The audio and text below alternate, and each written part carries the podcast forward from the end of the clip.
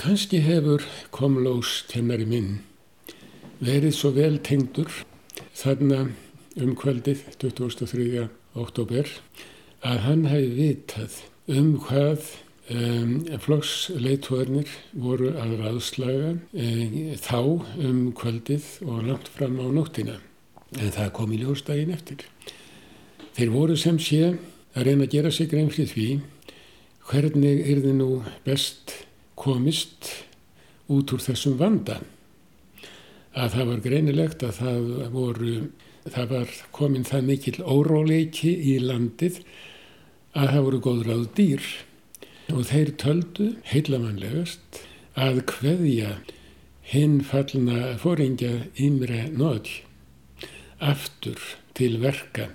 Og þeir gerðu hann að forsætis ráðherra og strax daginn eftir, morgunin eftir 24. oktober var tilkynnt Nóð Ímre er orðin forsætis ráðherra. Ímre Nóð segjum við hér upp á íslensku. En um, fólkið vildi meira í raun og veru vegna þess að menn sáum að hann, að, að þær breytingar einar á ríkistjórninni að það væri skipt um forsætisráðurinn að öðru leiti heldi þetta gamla lið áfram það væri nú ekki nægilegt og eh, kröfurnar heldu áfram. Það sem hafði gerst þarna um kvöldið þegar að vissögnar geltu við útvarpið og jætmvel á fleiri stöðum í borginni. Þetta voru altså átök á milli byltingarmanna og sveita úr ríkislauruglunni af ó. En það er fleira sem gerist.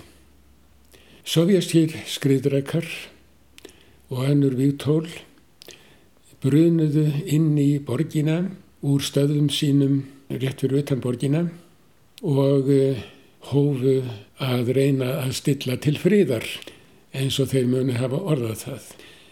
Þetta var framtak sovjasku hersveitanna sjálfsagt með eh, stuðningi frá Moskvu en alls ekki í raun og veru að tilhlutan já, yfirvalda, ungverskra yfirvalda.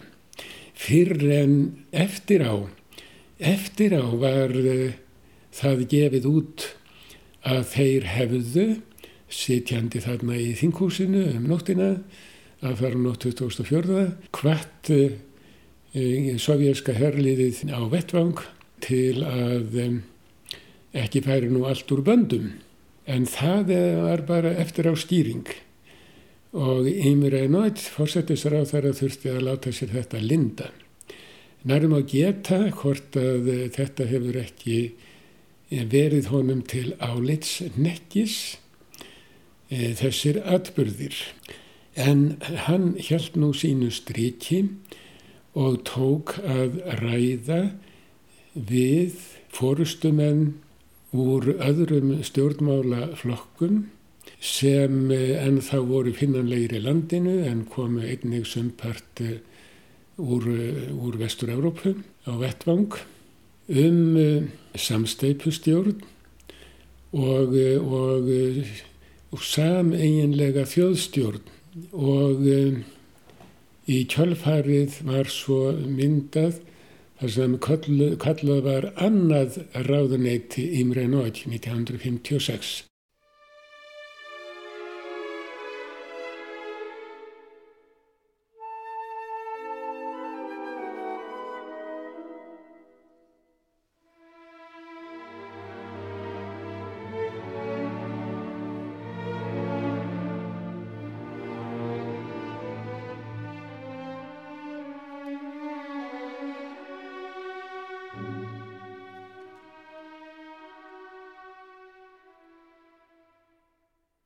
Við erum að tala um þessa daga frá 23.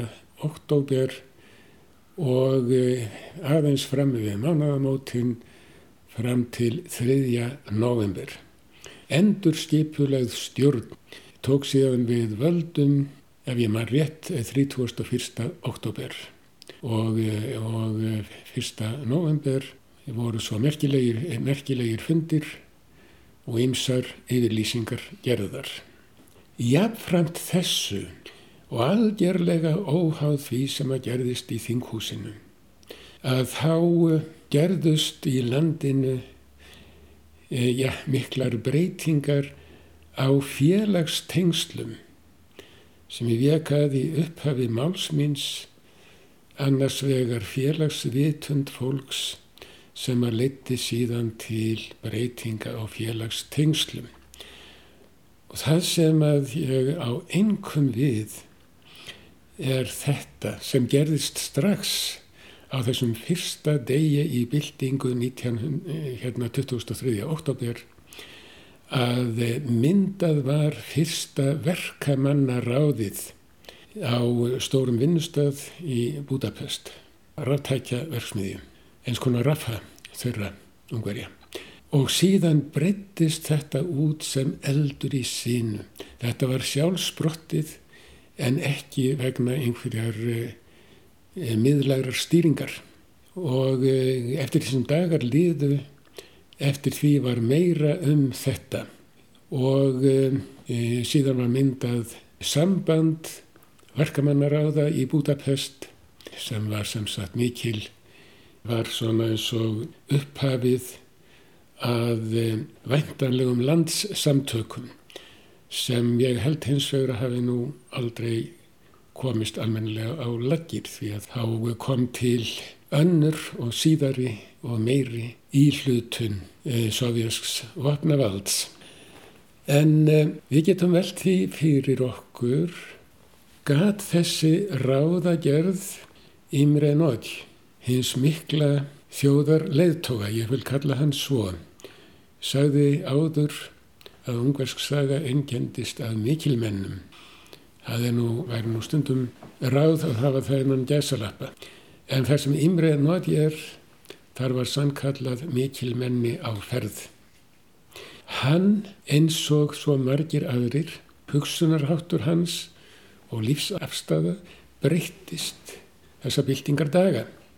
Hann stóð ekki kjur, frekarinn þjóðfélagið allt og eh, stefnu mið hinnar nýju ríkistjórnar, annars ráðaneytis hans, 31. oktober. Má taka saman í árfáða punta. Já, það var eh, að koma á friði og eh, við getum kallað það svona þjóðlegri endurreist í landinu og í öðru lægi að eh, stefna að fjölflokka líðræði en þó væru fasistaflokkar fólks sem að fyrst og fremst horfi aftur í tíman til árana á milli styrjaldana til dæmis horti árana þeir væru útilokkaður og í þriðja lægi að Ungverjaland yrði hlutlöst land í skiptingunni á milli austurs og vesturs. Sumir hafa kallað, kent þetta við Finnland sem sé að Ungverjaland fengi svipaða stöðu og Finnland lengi hafði að eh, það stæði svona með annan fótinn dálitið inn á áhrifasvæði Sovjetríkjana og með hinn fótinn inn á áhrifasvæði Vesturlanda og, og vægi þarna salt og hefði fullan fríð og sjálfsákurðunarétt í báðar áttir. Og við getum veltið fyrir okkur í framhaldinu hafði þetta einhvern möguleika á að blessast Bent hefur verið á að til þess að svo mætti verða þyrfti að fullnæja nokkurum skýlirðum. Í fyrsta lagi að þessi að ungverjar, gætu komið fram sem einhuga þjóð að baki sinni ríkistjórn. Og það er ekkert líklegra heldur en að það hefur getað orðið. Í öðru lagi að áhrifa miklir kommunistaflokkar í veröldinni og er þá sérstaklega hort til tveggja landa sem eh, menn þá, e, minnst að hvorstu hinn er frjálslindari, vildu kalla e, kommunistalönd. Það verður að segja Kína og Jugoslavia að þaðan kæmi endriðin stuðningur við þessi áform en einnig að frá áhrifamiklum kommunistaflokkum annar staðar í veröldinni og var þá engum hort til Fraklands og Ítalíu að þar kæmi einnig fram endriðin stuðningur og við spyrjum og veltum fyrir okkur var þetta fyrir hendi? Og svo er það nei. Þetta var ekki fyrir hendi horki af hálfu þína östrænu eða hína vestrænu kommunistaflokka en eitt skilir þið enn hefði þurft að vera. Og það er það að Vesturlönd með bandaríkinni brotti fylkingar en einnig svona stórveldi eða fyrfirandi stórveldi Evrópu. Hefðu fyrir sitt leiti fallist á e, ja, endalok í rauninni kalda stríðsins kalda stríðs átakana eða reipdráttarins við Sovjetríkin og á hinbógin einnig að Sovjetríkin Moskvu stjórnin fyrir sitt leiti væri reyðubúin til þess sem að Krustjóf raunar bóðaði í sinni leiniræðu nefnilega að ganga fram í merki ferðisamlegar sambúðar tveggja hugmyndakerfa, austurs og vesturs. Og við spyrjum, var þetta fyrir hendi? Og svaraði nei, það var ekki fyrir hendi.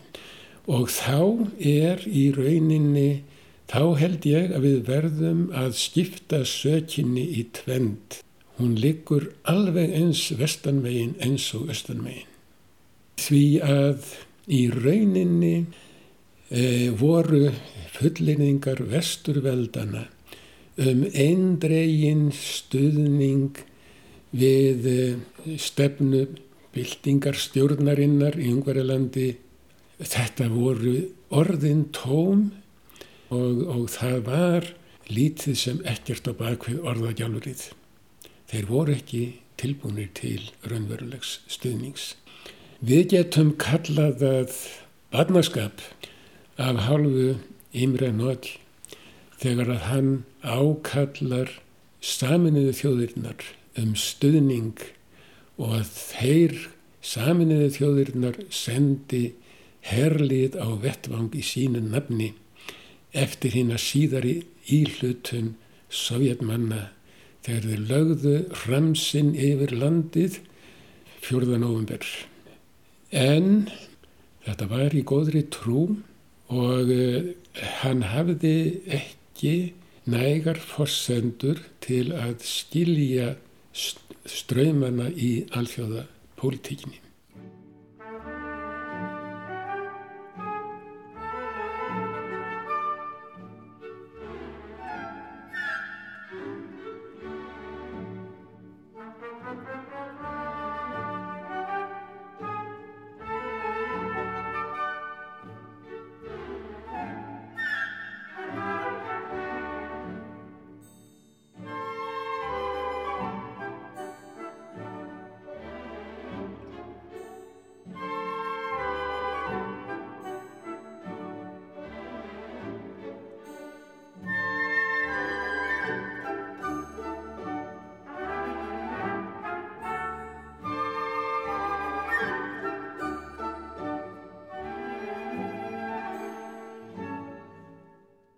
En uh, við erum stödd á þessum dögum þegar að vonin blíð lifiði enn og fólk var fullt eldmóði og bjart síni. Bildingar ástand er nefnilega mikið bjart sínis ástand. Það er ekki hver dagur en öðrum líkur, hver dagur er nýr og hver dagur hefur sín spennandi viðhómsefni sem eru önnur heldur viðhómsefni dagsins í gær og svo framvegis og fólki finnst að vera eflast að mætti og þroska og nýjum viðhorfum með hverjum deginum. Fólk finnur breytinguna ekki bara einhver staðar eh, grafið í eigin vitund heldur allstaðar út á við einnig. Samanber verkamannar á þín og þeirra ætlunarverk sem var þetta að hver verksmiðja, hver stór vinnustæður væri sjálfum sér ráðandi. Verkamannaráðið væri aðsta stjórnin. Hún færi í rauninni með eignarhaldið en ekki, eh, en ekki einhvert ríki, ekki ríkisvaldið heldur þetta sem við höfum kallað á íslensku líðræði á vinnustað. Verkamannaráðið útnemdi forstjóra og forstjórin liti endanlega boðvaldi verkamannaráðsins en hafði að öðru leiti dagstæðlega stjórn á hendi. Væri ábyrgur sem sé fyrir verkamannaráðinu og síðan voru, var þetta svona sundurliðað áfram hvernig megin dráttum í kaupgjaldsmálum skildi háttað og hvað skildi gert við eh, afrakstur af, af starfseminni, hvað skildi gert við, við, við hagnað og svo framvegis. Allt er þetta mjög merkilegt og var annar megin þráður byltingarinnar.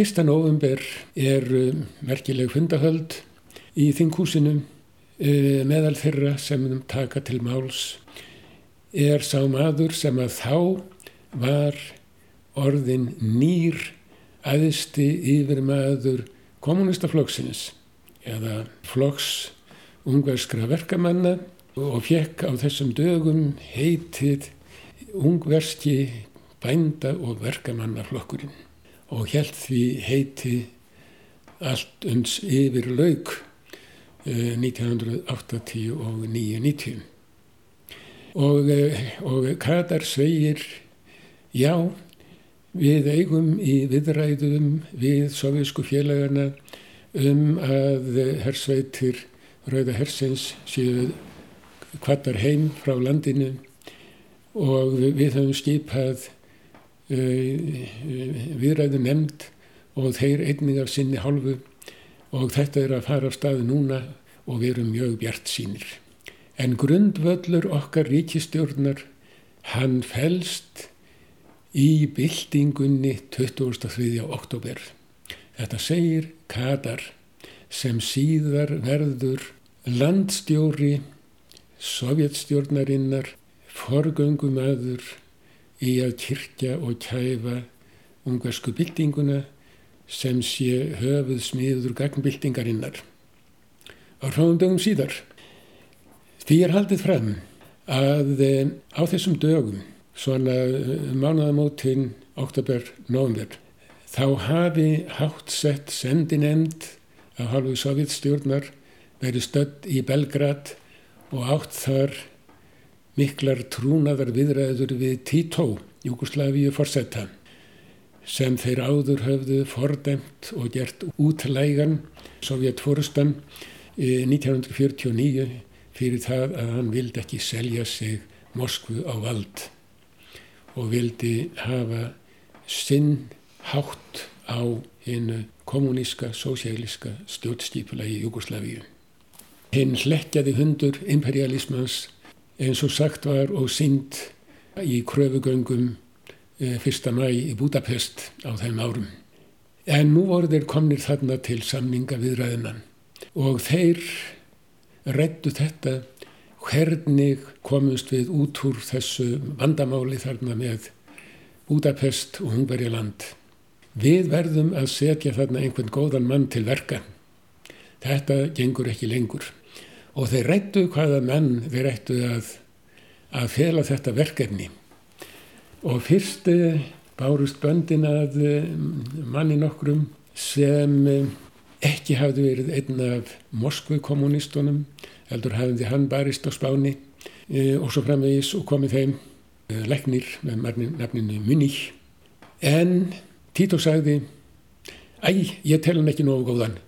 Við vorum lengi með hann hér sem sendi herra Ungverilands nei, já, honum skulum við ekki trösta en það er þessi Katar.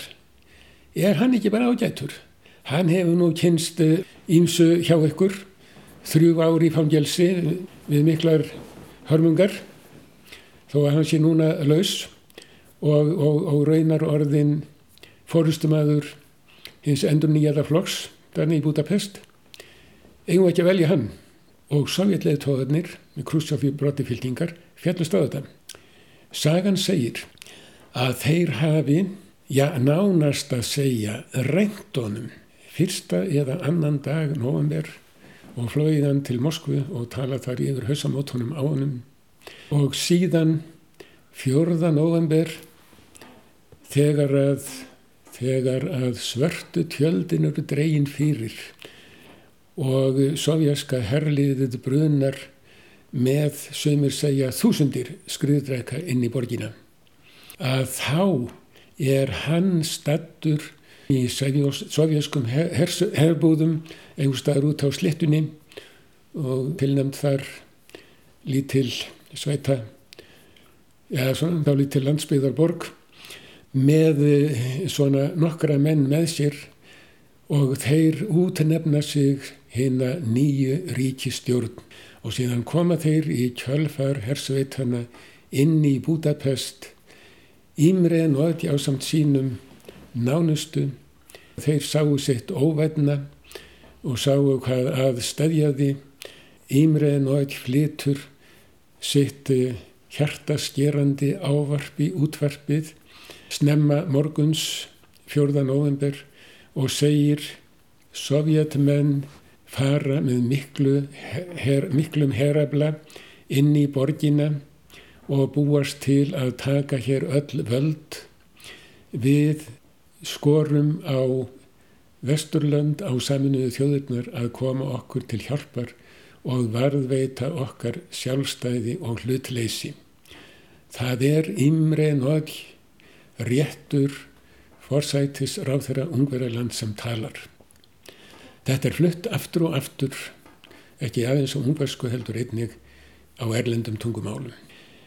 En nokkru fyrir hádegi, fjörðan óðanver, þá þagna þessar rattir því að soviskir hermenn voru búinir að taka útarfstöðina og tóku og þá var tekið að útvarpa já, óperöftu músík og notubrjótnum sem að gekk á næstu daga og flestir orðnir afar leiðir á því góðgæti e, þegar að vikan var liðin og eftir e, tók að e, hljóma svona einhver venjuleg dagskrá.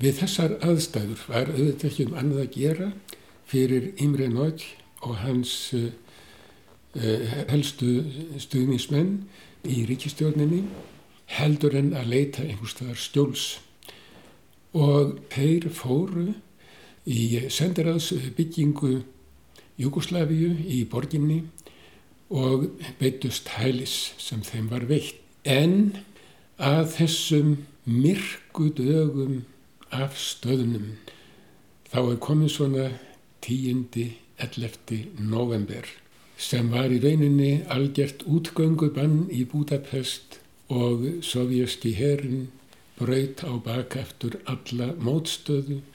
Þetta voru í rauninni styrjaldardagar og það var barist af hörku á nokkrum stöðum í borginni og byggingar skotnar í tellur og annað eftir því.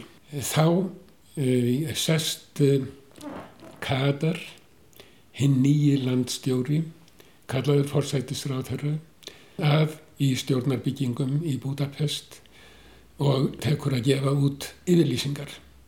En á þeim dögum heldu, held í rauninni byltingin áfram en þá fyrst og fremst í því formi að eh, þá er verið að stopna verkamannaráð ævíðar og reyna að treysta samtök verkamannaráðana í borginni Budapest og síðan út um land. Þannig að það var alls ekki bitið úr nálinni með byltinguna þó að hvarvetna væru e, sovjaskir hermenn og e, sovjask vígtól á ferð og komin ný ríkistjórn e, í landið.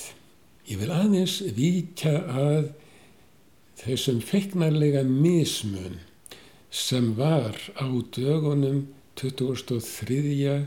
oktober til 3. november og svo aftur 4. november til svona kringum 11. november.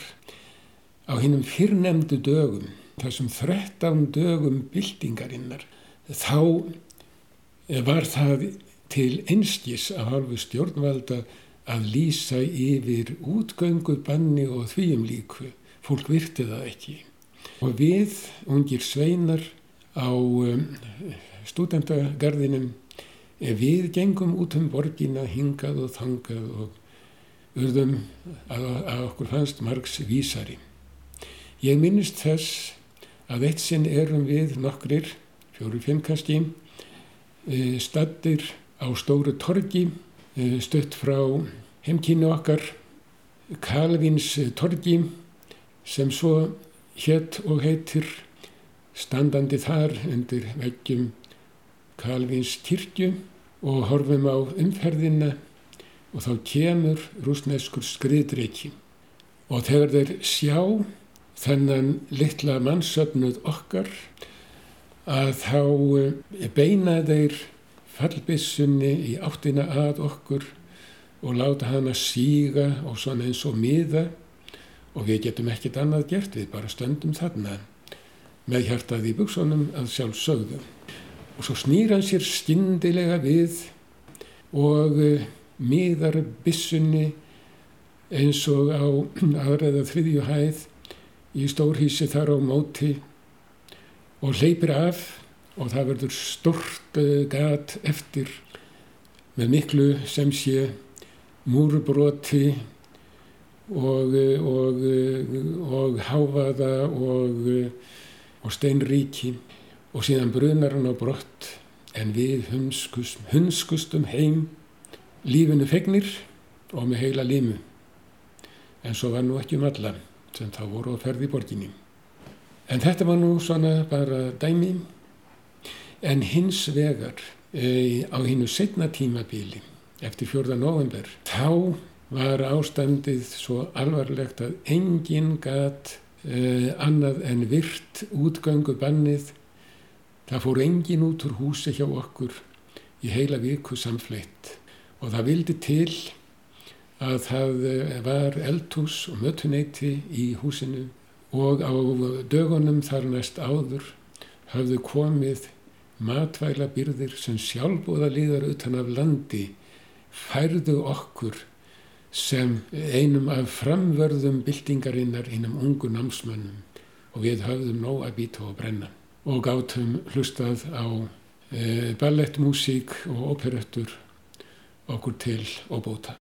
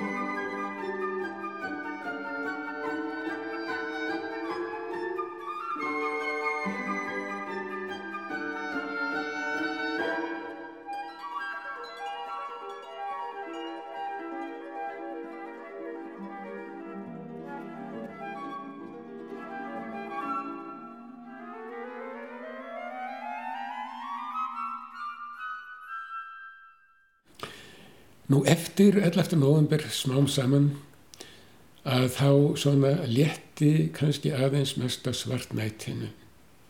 Margir af mínum félögum voru farnir úr borginni, e, bara hendil sína fallega, en aðri voru þarna eftir og við svona fyldumst að og það var ósköp þrúandi ástand, það verður að segja og einhvern veginn er í huga mér þá eh, hefur einhvern veginn e, tjald verið dreyið fyrir þetta tímabil frá því um miðjan november og allt e, fram yfir miðjan desember.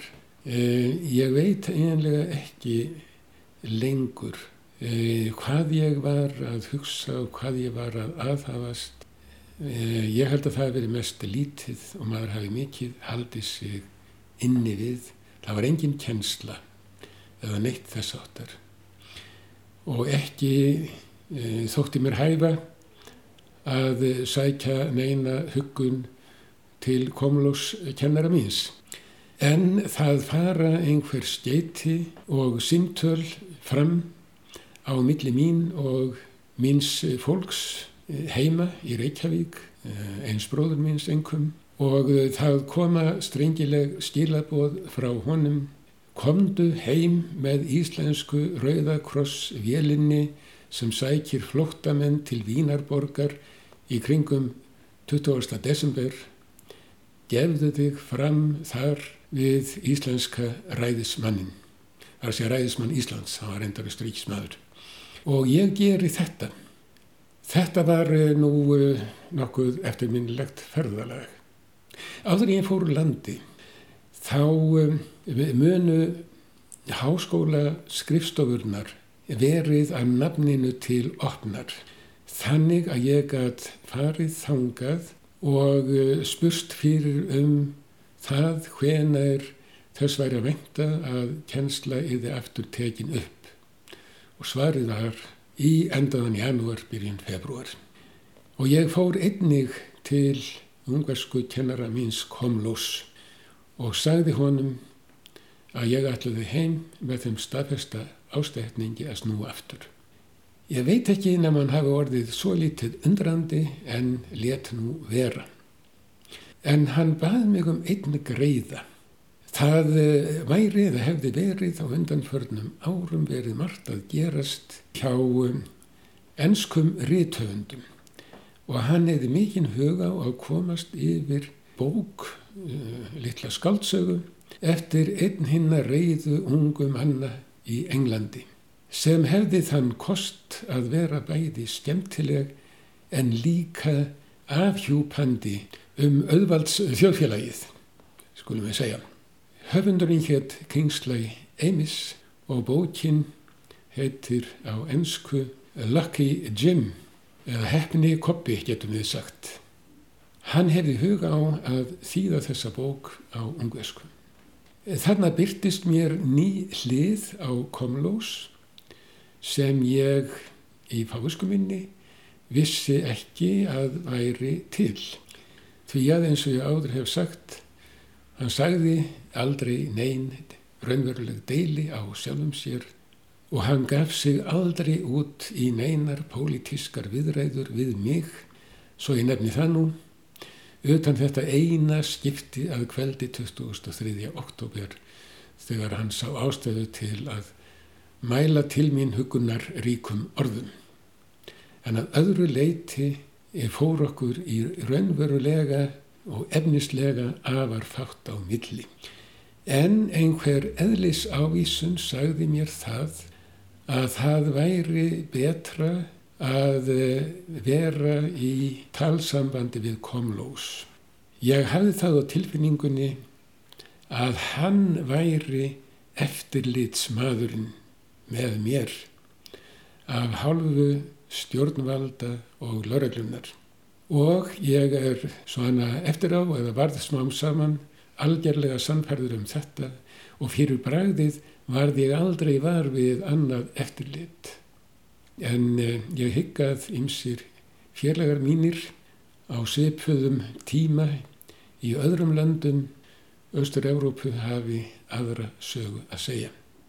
Ég fer heim til mín og það er best að ég segja það uh, strax að ég náði í bókina hjá bókaverslum Snæbjarnar hér í Reykjavík og hafði hana með mér út og afhendi Komlós, kennara mínum, sem hann tók við með hýru bræði og hún átti síðan eftir að koma út í ungverskri þýðingu hans og var upphafið að hans uh, já, bókmenta, ferli og, og, og því hvernig hann eh, stýgur upp á heiminin í lista og menningarlífi Ungverilands á Katar tímanum. Ég við kannski að því síðar.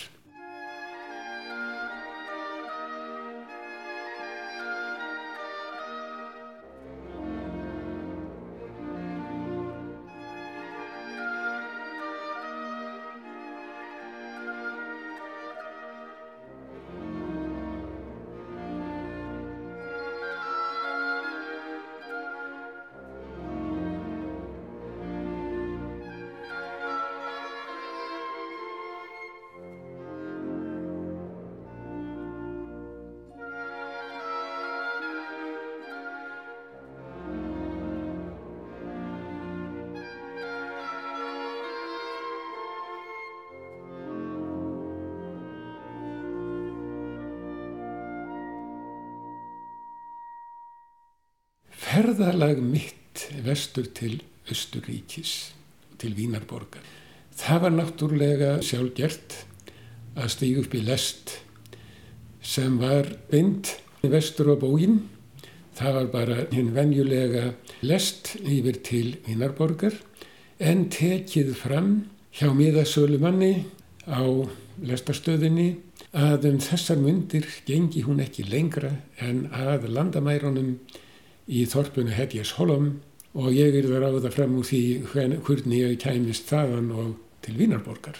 Ég sæti nú þessu og uh, það eru allmargir farþegar í lestinni og ég uh, svo sem hugsaði mikið út, út í það en, uh, en hefði svo sem átti að láta mér þetta í það í huga, það verður nú eiginlega ekki alveg einleikið að það væri allur þessi mannfjöldi að fara þarna yfir í landamæra eh, bæin og, og, og síðan bara einhvern veginn við til Östuríkis, hvernig möttu það vera? Stýringin kom þegar við áttum ekki langt ófarið á leiðanenda. Þá lág leiðin í gegnum dálítinn skó, dálítið skólendi og þá hegði lestin á sér þannig að hún fór ekki hraðar en gangandi maður og ég sá á eftir öllum ferðafélugunum farandi út úr lestinni, hver með sína tösku og hurfu inn á milli trjána. Og þegar það komið var í landamæra bæin, þá var ég einnum að stíga út úr lestinni.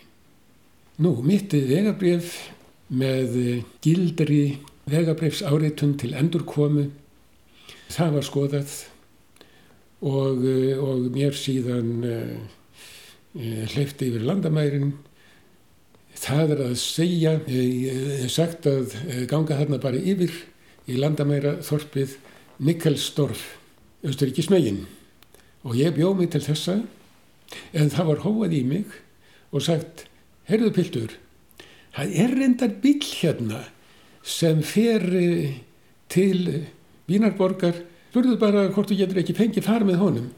Það eru menn frá sendiráðinu sem að voru að koma með einhver bóð eða, eða mann, ekki, ekki vissi það, hingað og, og eru að fara heim í sendiráði í, í Vínarborg eftir.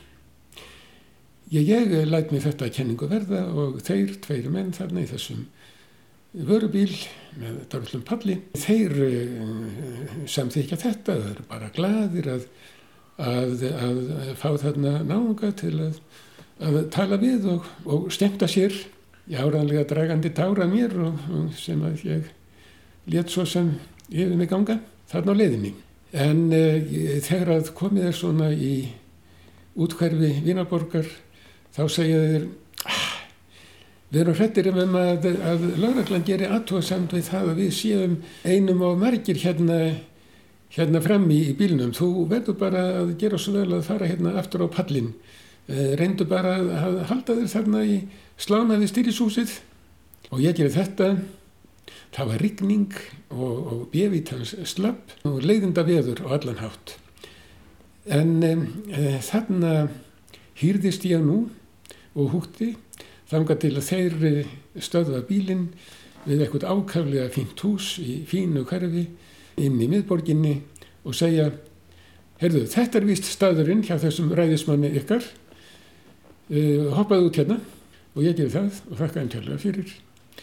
Uh, ringi dyrabjöllinni á þessu fína húsi og það kemur svona eins og einhver uh, stofustúlka með hvitasundu til dýra. Og hún tekur fyrir munn sér og hörvar eftir og bak og, eh, og, og eh, getur alltaf stöðnið upp orði eh, þegar að ég geri bóð fyrir herra ræðismannin. Ah, jú, hann er inni, býðið handartak, segir hún og fer inn og svo kemur reyndar húsfrúin til dýra, skart klætt og segir Já, við áttum vonað þér, piltur minn. Um, herðu, eh, vildi ég fara strax hérna bara á fórstöðu klósettið svona aðeins að, að, að þrýfa þig? Og þá sá ég hvers kynns var þegar ég leitt þar í speil að ég var allur útættaður í slettum, bæði andlit og, og fatnaður og ég reyndi svo lítið að, að þrýfa mig áður en ég gekk af hund ræðismannsins. Og hann sagði, já það er það er frátekið handað er uh, hótelherbergi. Já, kona mín bara kyrði þig en uh, vilt ekki fá uh, svolítið að geta fyrst? Og ég var náttúrulega alls hugar fegin því var ákrálega songur og ég nætt hérna góðrar máltíðar og síðan hvað ég þetta góða fólk herru og frú Stenkovits og frúin kerði mig eða frúin kerði mig hérna þangað á hotellið og hvað er hana. Og um, síðan daginn eftir þá næ ég sambandið framkvæmda stjóra Íslenska Rauðakrossins sem þarna var statur í borginni doktor Gunnlúk Þórðarsson og svo eftir nokkra býð því að það var bílun í vélinni og um, það þurfti að taka einn eða tvo sólarhinga eftir viðgerð, býð eftir varahlutum og síðan viðgerð og svo framvegis og eh, síðan var ég samferðað 52 ungverskum flóttamunum hingað heim og einnig voru í flugvölinni fyrir utan Gunnlaug og förunöð hans.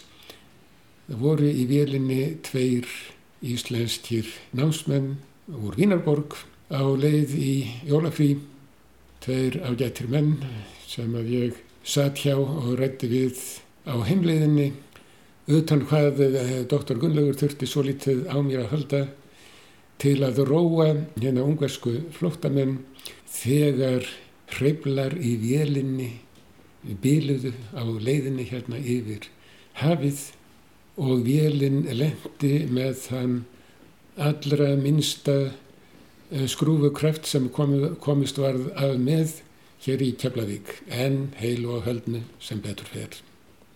Af flottamönnum er það að segja að þeir fengu hér hinnar bestu viðtökur. Við getum minnst þess núna hvað þá var vel tekið við þessum 50 og tveimur var þá í fyrsta sinn sem Íslandingar tóku við flottamönnum. Þá var nú íbúatala landsins helmingur af því sem hún er nú. En lífskjör og um, þjóðartekjur, framleyslu geta landsins, mörgum sinnum minni heldur en hún er nú. Ég segi ekki að við höfum verið sem þjóð sárfátæk 1956 en við státuðum ekki að því líkri auðlegð og því líkum lífskjörum eins og við gerum nú. Þessa megum við minnast þegar við ræðum það og tökum afstöðu til þess hvort að við tökum við eða tökum ekki við flottamönnum nútímans með glöðu geði. Og þetta fólk sem hér settist að, get ég sagt að plumaði sig ágætlega og jætnvel er þess dæmi sem lítið er nú um með útlendinga að einn þeirra gerðist sjómaður og lauk reyndar stýrimannaskóla prófi og var mjög farsæl í, í sínum, sínum störfum. Og þetta er nú satt að segja, ég, ég myndi nú heimfæra þetta eiginlega undir kraftaverk við mann komandi hinnur landi, lukta landi, ungverja landi.